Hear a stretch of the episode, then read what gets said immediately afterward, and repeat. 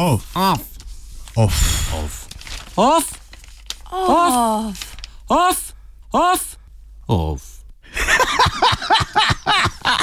Off komentar.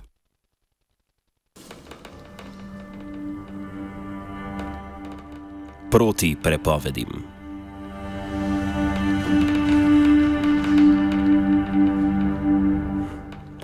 Godwinov zakon je nekakšen internetni pregovor, ki pravi, da se matematična verjetnost, da bo v spletni razpravi vključena primerjava z nacizmom ali Hitlerjem, z dolžino razprave približuje ena.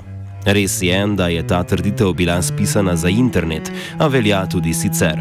Da nekateri zakoni vendarle veljajo enako za vse, je potrdil turški predsednik Recep Tayyip Erdoğan, ko je nacistične prakse očital: Ja, uganili ste Nemčiji.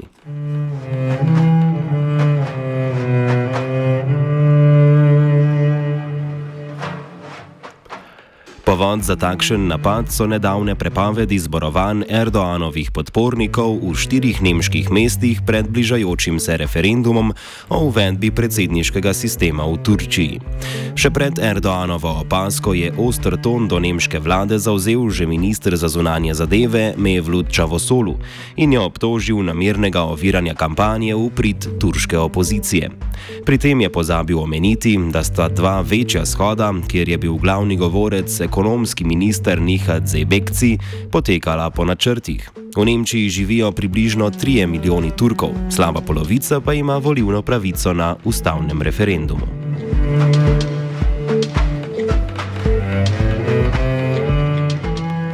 Nemška kanclerka Angela Merkel trdi, da so se za prepovedi odločile mestne oblasti Gagenaua, Kelna, Frehna in Hamburga same.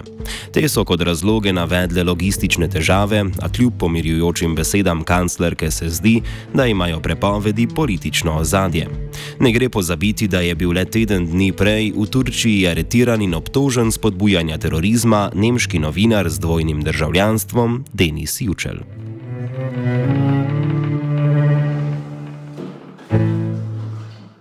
Nizozemski premijer Mark Rutte je bil bolj direkten.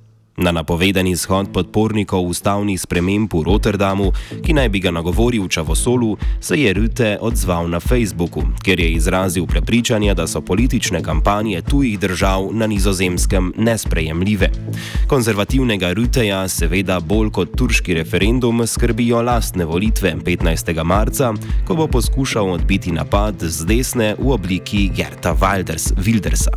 S tem ciljem si je sposodil kar taktiko slednjega in pobral nekaj lahkih političnih točk na račun manjšin. Po pričakovanjih je Wilders na to zauzel še skrajnejši položaj in povedal, da bi sam kot premijer vsem članom turške vlade do izvedbe referenduma prepovedal vstop v državo, Erdoana pa je označil za islamofašista.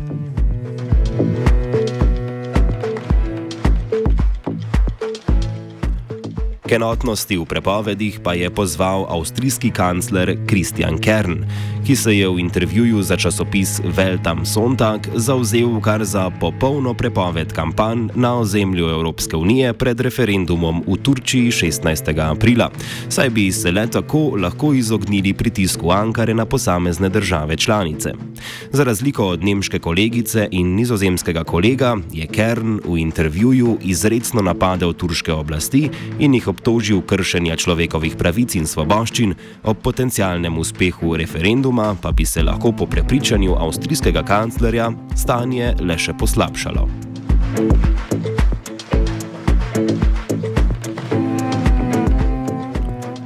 Kakšna bi lahko bila legalna podlaga za takšno ciljno prepoved, zaenkrat še ni jasno. V Nemčiji so mestne oblasti kot razloge navedle pomankanje parkirnih mest, zaplet pri rezervaciji dvorane in požarno varnost. V nizozemski vladi so priznali, da preučujejo vse možnosti, najbolj verjetna pa je, kot kaže, možnost župana Rotterdama, da prepove shod na podlagi nevarnosti motenja javnega reda in miru. Kako bi po pravu EU lahko prepovedali shode podpornikov Erdoana, avstrijski kancler Kern ni pojasnil.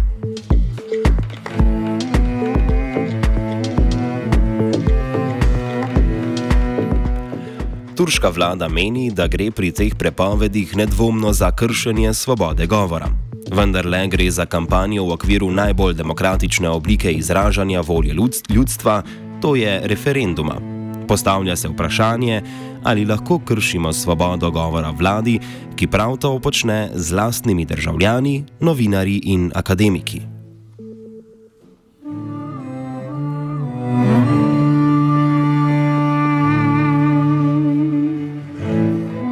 Prevladujoče prepričanje v nemški javnosti je, če sodimo po javnomnenjskih raziskavah, da lahko. Po zadnjih podatkih štirje od petih vprašanih v Nemčiji menijo, da je Angela Merkel od Turčije preveč popustljiva oziroma do Turčije preveč popustljiva.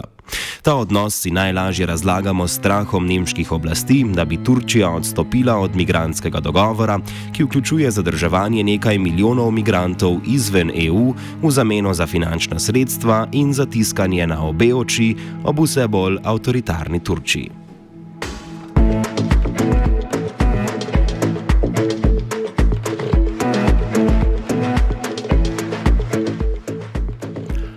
Pa poglejmo to hipotetično situacijo skozi oči Nemčije.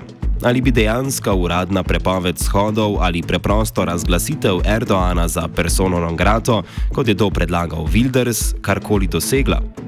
Bolj kot ne bi šlo za populistično potezo pred domačim občinstvom in ustvarjanje zamer med člani turške manjšine, ki v večini podpirajo politiko Erdoana.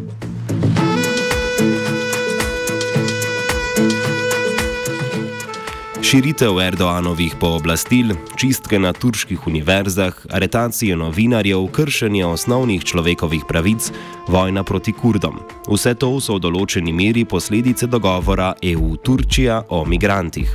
V določeni meri. Težava Nemčije in EU torej ni v shodih, pač pa drugje. Prepoved govora nekega nemškega ministra v eni od nemških dežel ne bo povečala možnosti čimprejšnje izpustitve Deniza Jučela, grožnje z ukinitvijo migrantov iranskega sporozuma pač.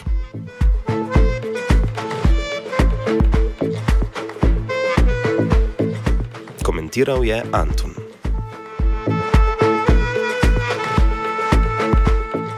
Radio študent poslušajo vsi tisti, ki imajo možgane, ki možgani dobro delajo in ki jih znajo uporabljati. Zato tudi jaz, Zmago Jelinčič in moji člani Slovenske nacionalne stranke, brez dvoma poslušamo Radio študent.